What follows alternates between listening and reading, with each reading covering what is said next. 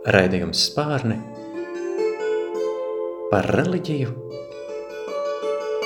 un kultūru. Gada sākumā tiekamies uz sarunu ar dzīves gudru un pieredzi bagātu personību. Lienu Elerti, kas pazīstama kurzemes puses ļaudīm kā bijusī mediķe, operācijas māsa un tekstila meistara Lina stāsta autora. Saruna būs par dzīves ceļu, kā tas noved pie sevis. Liene, nu, ja cilvēks būtu koks, tad mēs jautātu, kādas ir tavas saknes. Nu, proti, domājot par to izcelšanos. Kas tu esi un no kuras puses tu nāc? Es esmu līdz kauliem un zobiem aizputniece, piedzimusi šeit, dzīvojusi visu savu dzīvi aizputē. Es esmu savas pilsētas un savas zemes patriots, un tā esmu audzinājusi arī savus bērnus. Es piedzimu strādnieku ģimenē, mamma bija vārgas veselības, cilvēks bieži slimoja un daudz bija projām no mājām, kas ir arī viens no iemesliem, kāpēc man ļoti ātri bija jākļūst patstāvīgai un pieaugušai. 15 gadu vecumā es no aizputes braucu mācīties uz Liepāju medicīnas skolu, Tolēk bija jāmācās trīs gadi. Bet jau pēdējā kursā zināju, kad atgriezīšos šeit aizputē strādāt, jo mani šeit gaidīja. No 13 gadu vecuma es katru vasaru brīvlaikā strādāju par sanitāri. Es tiku iesviesta ļoti ātri sāpju, ciešanu, un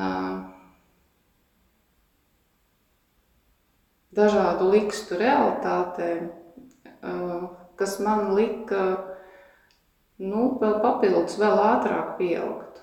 Jo es redzēju to, ko mani vienaudži vispār par ko pat nenojauta. 13 gadu vecumā mani aizsūtīja strādāt vasarā uz ginekoloģiskās, uh, nod, uz ginekoloģisko nodaļu par sanitāri.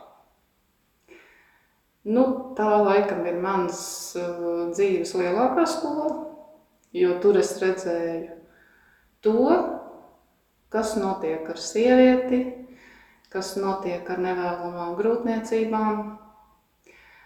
Tā bija ļoti liela atbildība, bet par to paldies, jo mans darba audzinātājs, vecmāte Emīlija Bērziņa, māsiņa Ināra Cīrula, tie bija mani lielie skolotāji pirmie. Nu, lūk, un tad pēc skolas beigšanas, tā es katru vasaru strādāju dažādās nodaļās, pēdējā vieta bija pirms skolas beigšanas, tad jau bija prakses, es strādāju operācijas zālē un tur pa sanitāri, kas, un mani gatavoja jau darbam par māsu. Nu, tā arī bija, kad pabeidzu skolu, mm, braucu atpakaļ uz mājām, sāku strādāt operācijas zālē. Man bija 18 gadi. Šobrīd, ja es paraugos uz 18 gadniekiem, nu, man ir skumji, jo tie ir cilvēki, kuri nav gatavi uzņemties lielākā daļa ne par ko nekādu atbildību. Mēs tomēr laikam dzīvojam tādā brīnišķīgā laikā, kad mums ir bija iespēja veidoties pašiem, par cilvēkiem, pašiem savu ceļu veidot. Un mums bija jābūt uh, 18 gados jau tik nobriedušiem, lai mēs varētu paši savu naudu nopelnīt un paši savu dzīvi tālāk dzīvot. Un 13 gadu vecumā, tad ir patiesībā meitene, Jā. kad viņa sāk kļūt par sievieti, ja tas ir pubertātes vecumā, tu jau redzēji sieviešu problēmu, to visu paleti, tas ir apbrīnojami, ja, ka tu to visu redzot, ka tu esi arī mamma. Nu, ļoti tas bija tā, ka tajā brīdī, kad es tur strādāju, tajā vasarā, tās bija gan divas vasaras īstenībā, līdz ne pat trīs. Jo es izrādās biju ļoti atbildīgs darbinieks, un man tiešām gaidīja manu brīvlaiku, lai sanitārīts tiktu atvaļinājumā, jo darba apjoms toreiz bija ļoti liels sanitāri. Bija cilvēks, kas uzņēma nodaļā, izrakstīja sieviņas no nodaļas, klāja gultas, sanitāri mazgāja grīdu, sanitāri nesa uz laboratoriju analīzes ar kājām caur pilsētai. Sanitāri dalīja ēdienu un sanitāri piedalījās arī šajās manipulācijās, procedūrās, tīrīja pēc tam procedūru telpu, lai nākošais pacients varētu tur tūliņ atkal nu, iet un, un viss notiktos tālāk. Uh, tajā pēc šīm te vasarām es uh, nu, 90% biju pārliecināta, ka man nekad nebūs bērni. Jo man tas likās, nu, tam ir jābūt tiem lēmumiem, lai kļūtu par māti, ir jābūt nu, tik ļoti tādam nu, stingram, ka tu zini, ar ko tu kopā to jauno dzīvību radīsi. Un viss jau šī, um, nu, sauksim, kā ir šie neskaitāmie aborti, šīs, šīs sievietes, cita izmisusi, cita vienkārši pa dzīvi draiska. Nu, savam ķermenim to, ko nodarīja, nu, man tas bija tā kā liels tāds, tāds, nu, priekš mans arī pārbaudījums. Un tā bija padomju laika šī domāšana, politika, ja, kad neviens jau to neteica, ka tas ir bērniņš, kas veidojas. Tas ir auglis. Vēlams vai nevēlams. Un ja, nevar arī izslēgt to, ka tu arī esi kristieti. Un šī tava dzīves pieredze arī kā kristietei, kā mediķei, ir devusi no to, ka tu esi mamma. Jā, es esmu mamma diviem bērniem, un īstenībā man bērni piedzima pirmais bērns 20 gados, un uh, otrs 22 gados. Tie bija apzināti lēmumi. Es gribēju būt jauna mamma, es gribēju savus bērnus uh, redzēt, izaugam nevis senelā vecumā, kad man jau būtu viss grūti, bet ar viņiem spēlēt kopā bumbu, ar viņiem visur būt kopā. Un tajā laikā, kad tu esi jauns un vēl maksimālists, ja, tu visu vari. Un mēs, man bērni piedzima 90. gados, kad nebija nekā. Veikalā varēja nopirkt kečupu un olas. Mēs izgājām no aizputs dzīvot, aizputs pierobežā uz laukiem ar vīru un pirma, piedzimā puika mums pirmais – Mēs, es nu, no lauka darbiem nekad neesmu baidījusies. Es esmu smagi strādājusi visu dzīvi, tāpēc, ka visi darbi, kas bija ģimenē jādara, mamma nekad praktiski nebija mājās un darba spējīga. Tie bija visi uz mani un manas māsas pleciem, man šis rūdījums bija, un es biju priecīga, ka es varēju strādāt līdz vēlai naktī, mēs, mums bija kūtiņi, mums bija lopi, mēs audzējām buļļus, cūkas, mēs vienkārši mēģinājām paši sevi pabarot, nodrošināt savu eksistenci. Jo gaidīt no kāda kaut ko, nu nē. Mēs to nekad neesam darījuši, mēs vienmēr esam visu, visu paši savām rokām. Jo es biju iemācīta ļoti smagi strādāt. Nu, kā tipisks kurzemnieks? Tipisks kurzemnieks un ļoti sīksts. Man bija ļoti nešpatna vecā mamma kas um, galvenais viņas mācība Rīgas bija slapjā trauklu pat, ar kuru pausiņu varēja dabūt, bet es viņai esmu ļoti pateicīga, jo visu, ko es dzīvē māku, rokdarbus un ēst gatavot un dārzu ravēt un visu pārējo, to visu man vecā mamma ir iemācījusi. Hmm. Kāds ir tavs pagrieziens posms dzīvē? Šī, nu tāda visnotaļ krasa profesijas maiņa no operācijas māsas uz Līna stāsta, jeb Līna ceļa autori?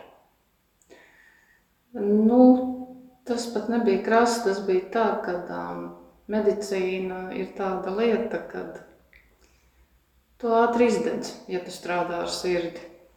Ja tu strādā tikai tāpēc, ka tev nauda ir jānopelna, nu, tad tu vari arī tā ripināt līdz pensijai, bet um, es un Bija vēl arī dažs labs mans kolēģis, kas sev vienkārši sadedzināja. Un tad es pārgāju darbā tā kā uz poliklīniku, kur it kā tā kā vieglāk, bet man pilnībā tas darbs, nu, viņš man iztukšoja, viņš man paņēma manu spēku, manu enerģiju, es domāju, arī tās cilvēku masas, kas apgrozās, viss tas, kas nes, nāk līdzi, visas enerģijas. Un es pats saslimu 40 gados. Es vienkārši izdzisu. es vienkārši izdzisu, un tas bija mans dzīves zemākais punkts, jo man nebija nekāda vēlēšanās ne īpaši dzīvot, ne īpaši nedzīvot, man neko vairs nevajadzēja. Un es saslimu, es saslimu nu, tā pa nopietnu. Būtībā es trīs gadus bez diagnozes nodzīvoju, lēnām dzīves es paliku nu, kreisās puses pareizi, es nevarēju pārvietoties vairs, un diagnozi, kad uzlika man diagnozi, tad man ārsti vienkārši bija šokā paši, jo Latvijā šāda diagnoze nebija bijusi vairākus gadu desmitus. Ja. Tad, ja es būtu no Dienvidamerikas, tas būtu normāli. Es par to tagad nu, ne, nesaukšu ne vārdā nekā, un tad tas bija tāds, nu, attiecīgi nāca nepieņemšana, tad nāca dusmas, Tad nāca depresija. Un tas bija smagi. Tas bija ļoti smagi. Un darbs pašai ar sevi. Un tad vēl es to nesapratu, jo es vainoju visu pasauli, visus citus. Es vainoju visus, ko vien varēju pie tā, ka es esmu slim tikai ne pati sevi. Bet uh, skaidrāks jau par skaidru, ka šodien es saprotu, ka tikai jau vienīgi pati es biju vainīga. Nevis vainīga, vienkārši tāda bija, man bija šis ceļš jāiziet, lai es nonāktu tur, kur es esmu tagad. Un kas bija tas, kas man pamazām atgrieza uz manu vēlēšanos vispār dzīvot, bija mm, bērni, bērni sāk studēt puika aizgāja studēt, diviem gadiem meita. Un tad man bija tas, tā doma tāda, ka man noteikti vajag redzēt, nu, kad mans dēls pabeigs augstu skolu. Man noteikti tas ir jāredz. Tas man lika pirmkārt jau saņemties un sākt domāt par to, ka man ar sevi kaut kā ir jāsaka, ka man kaut kā sevi ir jāpalīdz, ka man ir jāmeklē kaut kādas iespējas. Nu labi, ja nav zāļu, ja nav medicīna, tā tad man tad radās tā pirmā doma, ja nav zāļu un ārsti pasaka, ka, tā, ka viņi nevar līdzēt, varbūt tā slimība nemaz nav. Nu, nav tāda, jo tā ir organisma disharmonija. Tad ar to var strādāt. Uh, tad es pamazām sāku zemes darbos. Es pati savu iespēju robežās pa dobītēm uz ceļiem, citkārt, citkārt vēl kaut kā. Un tad es sapratu, ka zeme man dod spēku. Pēc tam jau es um, man bija tā iespēja um, pabeigt projektu vadības kursus. Man bija iespēja pabeigt projektu vadības kursus, kur laikā es satiku sievieti, jaunāku par sevi, bet viņa man rāja. Viņa man vienkārši rāja naturāli. Nu, ko tu te ņemies, ko tu te pīksti un vēl tur kaut kā. Un, un es uz viņu, protams, dusmojos un tā, bet uh, Nu, tā tie kursi pabeidzās, mēs tā katrs savu ceļu aizgājām, pēc kāda pusgada viņi man zvana un saka, nu, ka viņi sākusi savu biznesu, viņi. Un viņi gribētu, vai, vai es protu šūt, vai es varu viņai sašūt kaut kādas dažas lindvielīšas. Nu, tā kā tā doma, jā, bet kāpēc ne? Nu, man tad dēls nopirka šo mašīnu, dēls. Jo, nu, ja tev nav naudas, tad tev ir naudas tik, cik viņas ir, jā. nopirka man šo mašīnu, un es sāku ar trīs dvielīšiem. Ar cilvēku kopā, kurš ņēma manas dvielīšas līdzi uz tirdziņiem, un arī viņa bija sākuma posmā, un tā mēs taustījāmies. Gada laikā būtībā tas viss aizgāja jau lielākos apmēros, un tad, tad radās iespēja iepirkt materiālu, Un ar dažiem vielīšiem tad jau tie bija desmit vielīši, un tad vēl kaut kas, un tad nāca tas, kad gribas pamēģināt, varbūt vēl kaut ko es protu, un var izrādās, ka es māku, jā, izrādās, ka es to varu. Un tad meita pabeidz augstu skolu un pieteicās mazbērniņš. Un tad man bija nākošais iemesls, ka man ir vēl vairāk jāsaņemās, tāpēc, kad es gribu redzēt, kā tas bērniņš piedzims. Būtībā mans pirmais mazbērns ir mans, man lielā, es nezinu, loze, man lielais laimests, kas man vispār lika dzīvot tālāk. Jo nevēlēšanās dzīvot bija ļoti liela, ļoti liela. Jo katra ārsta vizīte beidzās ar vārdiem, nu jums dzīvildze ir apmēram 5 gadi vēl. Tātad tevi jau ieprogrammē uz to, ka nu, nebūs, necer, nebūs. Nu, tā, tad es sāku kā, vairāk šūt savam mazbērnam un vēl kaut ko, un tā, sākās līnijas stāsts, jo tad man radās klienti, radās interese lielāka par visu to šūšanu, es sāku šūt pirts lietas, bērnu gultas, veļiņas, un man patika, jo es linā radu to, tajā brīdī, kad es šuvu, es radu to meditāciju, to mieru sajūtu.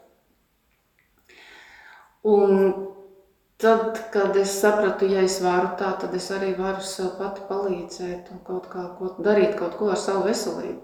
Jo īstenībā tad, kad tev uzliek kaut kādas diagnozes, kurām tev pasaka, ir tikai viens iznākums, ģimene novīstas, viņa novēršas, jo viņiem ir bail. Jā, ko darīt ja? ar to? Un tad tu pats iznāk tā, ka tu mierini pārējos, bet tā nav kas palīdz. Tev vienkārši nav kas palīdz. Un tad nejauši manās rokās nonāca informācija, ka Ojārs Stalts vada nodarbību ciklu gandrīz gadu garumā ceļš pie sevis, kā palīdzēt pašam sev. Nu, tā ir uh, mana atzimšana.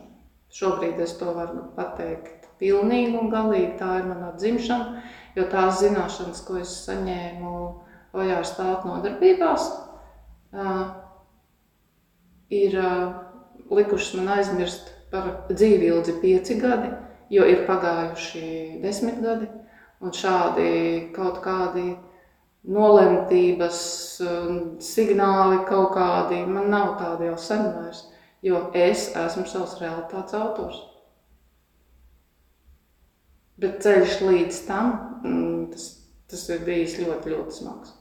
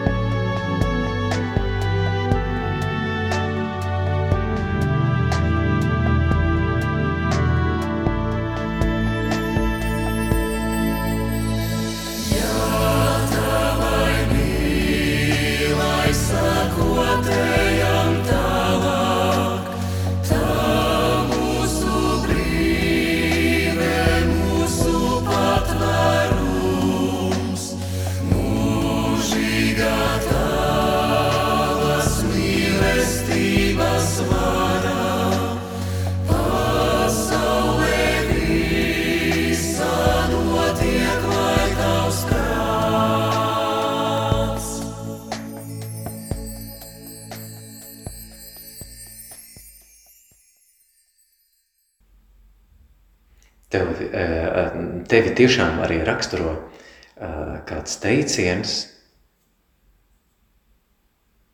pa grūžu kasti nav ko rakņāties. Es pat zinu, kas to ir teicis, jo to es savam ļoti tuvam cilvēkam, nevis radam, bet kādam labam draugam esmu teikusi, ko tu ņemies, nu, ko tu peries. Nu, ja tu vakar iznes miskas, nu, nē, jau nerakņājies pa viņu vairāk. Nu, tas ir tas, ko mēs arī, nu, mēs nevaram kāpties atpakaļ un kā bija, kad bija. Nu, nav tāds, ir tikai šobrīd, šeit, šajā mirklī. Un tas ir, ir jādzīvo, vienkārši jādzīvo, jo laiks kā tāds neeksistē. Mums ir jāatver tas, kas mums ir iedots šobrīd, jo nevienam tu labs nekad nebūsi. Citam tev jābūt labam pašam tikai priekš sevis. Un ja tu sev nemīli, tu nevar mīlēt citu. Protams, mums jāizdara secinājumi par to, kas ir bijis, bet nav nemitīgi pie tā jāatgriežas atpakaļ. Jā. Tā ir. Un uh, vēl par sevi runājot, es jau piecus gadus nebraucu pie ārsta uz pārbaudēm, jo man tur nav ko darīt. Pēdējo reizi, kad es izgāju veselības pārbaudas, un es sapratu, ka es esmu vesels cilvēks, ka darbs ar sevi, tas, ko es esmu izdarījusi pati, man neviens cits to nevar iedot. Pilnīgi neviens.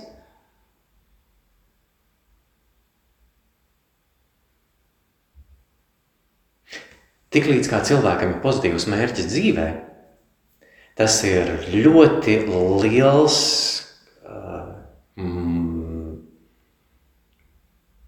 pozitīvs motivācijas lādiņš,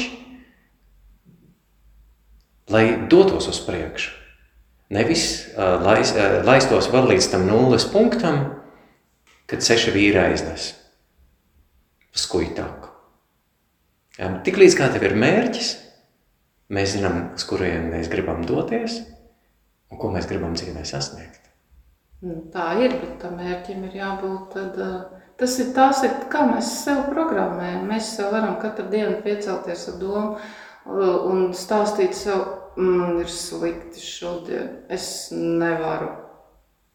Nu, tad tā arī būs, tev būs slikti, un tu šodien nevari. Tas ir apmēram tas, ka mazi bērni no teikuma, ko tu viņiem saki, dzird pēdējo vārdu. Nu, tas ir apmēram tā. Ja tu tūlīt nesakrāmies savu istabu un nesavāk savus mantas, mēs neiesim uz kīno. Bērns dzird, mēs iesim uz kīno. Viņš nedzirdēja, ko tu tur blā, blā, blā. Tas pats, ka tu sev saki, man ir slikti, es nevaru un viss. Bet tu no rīta tu sev saki, es, es esmu piecēlsies, la, nu, es īsti tā kā labi nejūtos, bet šodien no tā diena paies labi, jo es varu saņemties. Nu, kaut kā tā. Tad, tad es varu saņemties. Es varu saņemties.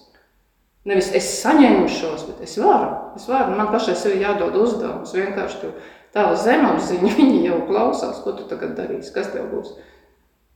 Dzirdot šīs tavas atziņas šajā brīdī, nu, bez maz vai jāsaka tā, arī tas būtu tāds kā novēlējums arī radio klausītājiem.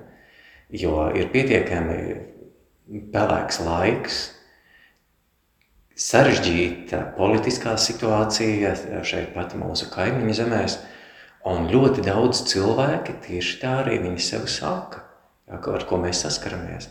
Es nevaru saņemties, jo nav šīs motivācijas. Nu, par šo nu, es nevaru saņemties. Nu, man prātā, piemēram, nāk nu, krievu filmu muļķīgā, kurš nu, šuriks, kad pēra to caur tapešu rullu pēra to, to, to burlaku. Viņš teica, nada, Fēķa, nada. nu, vajag saņemties vienkārši tāpēc, ka tev jau nav variantu. At, nu, arī, kā Maiks Taisons teica, ja es padošos, no tā man vieglāk nekļūs. Nu, ja tu padosies, tu zini skaidri, kāds būs rezultāts. Jo es sev tā arī, nu, tiešām, nu, ja es padošos, man labāk nekļūs, man tikai kļūs sliktāk. Tieši Jā. kas mainīsies manā dzīvē? Tieši Bet, nekas. Un ja tu nepadodies, tad es eju uz priekšu. Vienmēr var būt šī izaugsme. Jo, ja tu pats uh, nesapratīsi, ka tev dzīve pēra un ka tev ir kaut kas jāapstājās un jāmaina, viņi tev pērs tik ilgi, kamēr tu necelsies. To es tikai pat pēc sevis varu. Ja es, piemēram, gadus astoņus, es to vien ļāvu, kā Un visās jomās viss gāja vienkārši bruka. Viss, nu, nu viss, jo tev tikai atliek, nu, negribēt. Nu, vienkārši negribēt. Es nevaru. Nu, nevar, nevar zemapziņu. Au, nevar. Nu, tā tad nevar. Jo tā realitāte, ko mēs paši veidojam, tā ir tā, ar kuru mēs dzīvojam.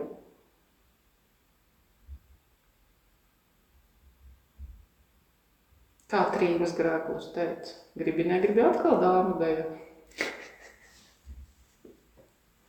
Tā arī ir. Cik lielā mērā ir svarīgi saņemt šīs atbildes uz jautājumiem dzīvē? Vai vispār tādu jautājumu ir, kas mūsos ienāk, vai viņiem atbildes eh, vajag sagaidīt, vai vienkārši dzīvi vajag dzīvot nost? Un šeit man ir ojārs taltvārdi. Dažreiz uz jautājumu, kāpēc, ir tikai viena atbilde Tāpēc, un tas nav tavā uztveres diapazonā. Liecies mierā, dzīvo.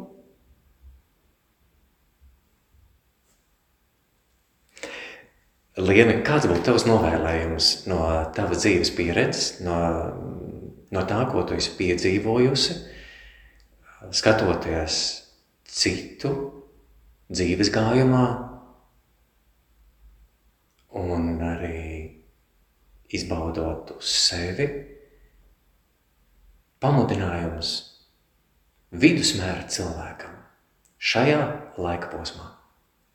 Mm, tagad man nāk uzreiz prātā, kādreiz manā laikā skolās bija ļoti populārs atmiņglāds. Un tad gāja tāds dzējolīts, tur tika rakstīts, kuru jēgu mēs neviens tajā laikā nesapratām, bet tas teksts bija tāds – dzīvo dzīvē, dzīvu dzīvi, dzīvam dzīvē, dzīve dzīva. Mums ir jādzīvo apzināti, nu vienkārši tas vārds dzīve, dzīvo, apzināti. Domā, ko tu domā. Vēl jau vairāk domā, ko tu runā. Jo tas, ko tu padomā, tas jau visumā tas tiek palaists.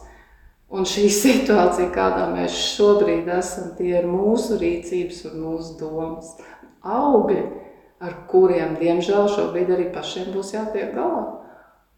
Un šī neapzinātā dzīvošana un domāšana, ka nāks laimes lācis sunu ciemā un tūlīt viss būs kā pasakā, nu nebūs pašiem. Pašu domas, pašu rīcību un gala beigās – nu, es pat nezinu, kā to pateikt, vienkārši būt cilvēkiem.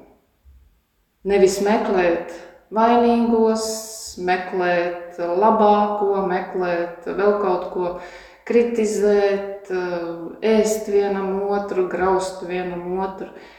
Mm, tas arī ir novedis pie tā, kur mēs esam. Pietiks jau, ja katrs to savu zemi mīlēs, kur viņš dzīvo, ja viņš neskries kā sprīdīts pasaulē. Un pietiks, ja viņš būs cilvēks. Tad jau tas ir jau viss panākuma atslēga.